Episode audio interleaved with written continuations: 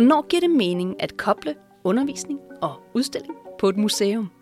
Og er det muligt at organisere et tværfagligt samarbejde om udstillingsudvikling? I denne podcast-serie undersøger skoletjenesten, Videnscenter for eksterne læringsmiljøer, tværfaglige samarbejdsformer på museer. På Arbejdermuseet har de de seneste år satset på en ny organisering af samarbejdet imellem udstilling og undervisning i en række udstillingsprojekter. Aktuelt gælder det samarbejdet om den nye permanente udstilling Vi er arbejderne. I den her udsendelse går vi tæt på samarbejdet fra et inspektørperspektiv.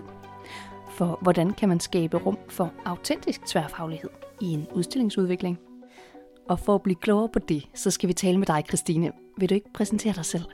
Jo, det vil jeg gerne. Øh, jeg hedder Christine Kamp Albæk, og jeg er museumsinspektør på Arbejdermuseet. Jeg er historiker med tilvalg i museologi, og så har jeg været tilknyttet Arbejdermuseet først som underviser og sidenhen som færdiguddannet siden 2014.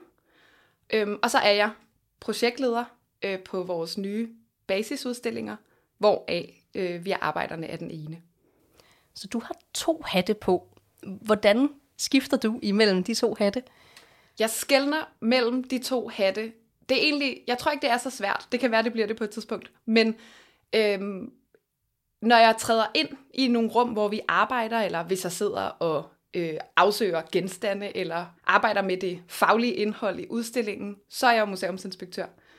Og når jeg skal sikre, at projektet arbejder sig fremad, når jeg skal sikre, at vi overholder tidsplanerne, når jeg skal sende dagsordner og lave referater og alt sådan noget, så er jeg projektleder, som på mange måder er en form for sekretær for udstillingsarbejdet. En, der sikrer, at det arbejder sig fremad. Det lyder som nogle spændende opgaver og forløb. Kan du prøve at beskrive jeres samarbejdsrum og din rolle lidt nærmere? Helt konkret kan man sige lige nu, at vi startede op på ligesom at arbejde ret intenst med, hvad er det her for en udstilling, hvad er det for en fortælling. Vi har fået et oplæg fra Margit, som er forskeren, øh, som ligesom har lagt ud, ud fra vores fælles udstillingskoncept, hvad vil være gode faglige nedslag at tage med i den her udstilling. Og så har vi ret konkret haft et par meget intense dage, hvor vi har taget en rulle afdækningspapir og hængt op på, på væggen, og, øhm, og ligesom begyndt at fylde post-its på, som repræsenterer forskellige dele af den her udstilling, for ligesom hele tiden samlet set sidde rundt om et bord og prøve at visualisere og have overblik over de forskellige dele af udstillingen, altså former, indhold og genstande og alle mulige elementer, som udstillingen indeholder, og som vi hver især har interesse i, ligesom kan spille sammen. Men i det arbejde, der tror jeg, at mange ville forvente, at du havde projektlederhatten på og var bestemmende og, og pegede rundt på de forskellige andres øh, fagligheder om, hvornår de skulle øh, komme i spil. Det lyder som om, du træder meget tilbage i den rolle. Hvordan kan det være? Jamen, når vi er i det rum, hvor vi ligesom arbejder med udstillingens indhold, form, design, øh, undervisningsperspektiver, så er jeg ikke så er jeg ikke projektlederen. Det kan være, der kommer nogle tidspunkter, hvor vi er nødt til at træffe nogle afgørende beslutninger, hvor jeg ligesom må skære igennem. Men som udgangspunkt, så handler det jo om, at vi sidder der med nogle forskellige fagligheder, og autoriteten flytter rundt, magten, kan man sige, fordi selvfølgelig er der også magt i sådan et rum, flytter, flytter rundt alt efter, hvem det er, der har stærkest faglighed på det, vi sidder og diskuterer. Så hvis det handler om noget med udstillingsrummet, og hvordan det ligesom kan forme sig, hvordan det kan understøtte udstillingen, så skal vi lytte mere til Marianne, som er scenograf. Øh, hvis det handler om, at vi er i gang med måske at fjerne en vigtig historiefaglig pointe, som er med til at skabe et, en helt støbt fortælling i udstillingen, så skal vi selvfølgelig lytte mere til Margit, som er forskeren. Og når det handler om at se rummet som også et, et undervisningsrum, hvor det er vigtigt, at elever kan spejle sig i det, når de kommer til undervisning, så skal vi lytte mere til Galit.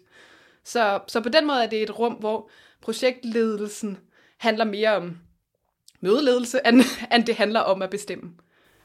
Hvad er det sværeste i det forløb, når jeg så mange stemmer? Jamen, det kan man måske næsten forestille sig, er, at det tager rigtig lang tid.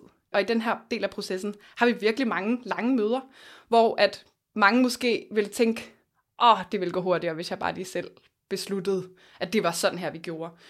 Men essensen af det er bare, at det ender med at blive bedre på den måde. Hvad er så det bedste ved at gøre det på den måde? Jamen det bedste er, at det bliver en bedre udstilling. Altså det bliver en udstilling, som er mere helstøbt, og som er skabt som en udstilling. Altså fordi det, som man kan risikere, hvis man lader det historiefaglige oplæg tage alt for meget magt til at starte med, det er, at man, eller det, som er min store frygt ved at gøre det på den måde, det er, at man ender med at lave en bog på væggen. Og det kan jo være en rigtig god bog, men jeg vil hellere selv sidde og læse en bog derhjemme i min sofa, øhm, end jeg vil gøre det på et museum. Så et museum er noget andet, og en udstilling er noget andet, og det som de andre øh, fagligheder, der kommer ind i det rum fra starten af, de kan spille ind med, det er, at de kan, de kan sikre, at udstillingen får den sanselighed og den rummelighed og det nærvær, øh, som en udstilling skal have, og de kan sikre, at den bliver relevant for unge, som, som møder den og som skal have undervisning og lave gruppearbejde og identificere sig og få nye perspektiver på deres eget liv. Og det kan vi ikke, hvis vi bare sidder et par faginspektører og bestemmer, hvad udstillingen skal handle om. Så det lyder som om, det her rum skaber en eller anden form for fælles udstillingsfaglighed. Kan man sige det? Ja, det kan man godt sige.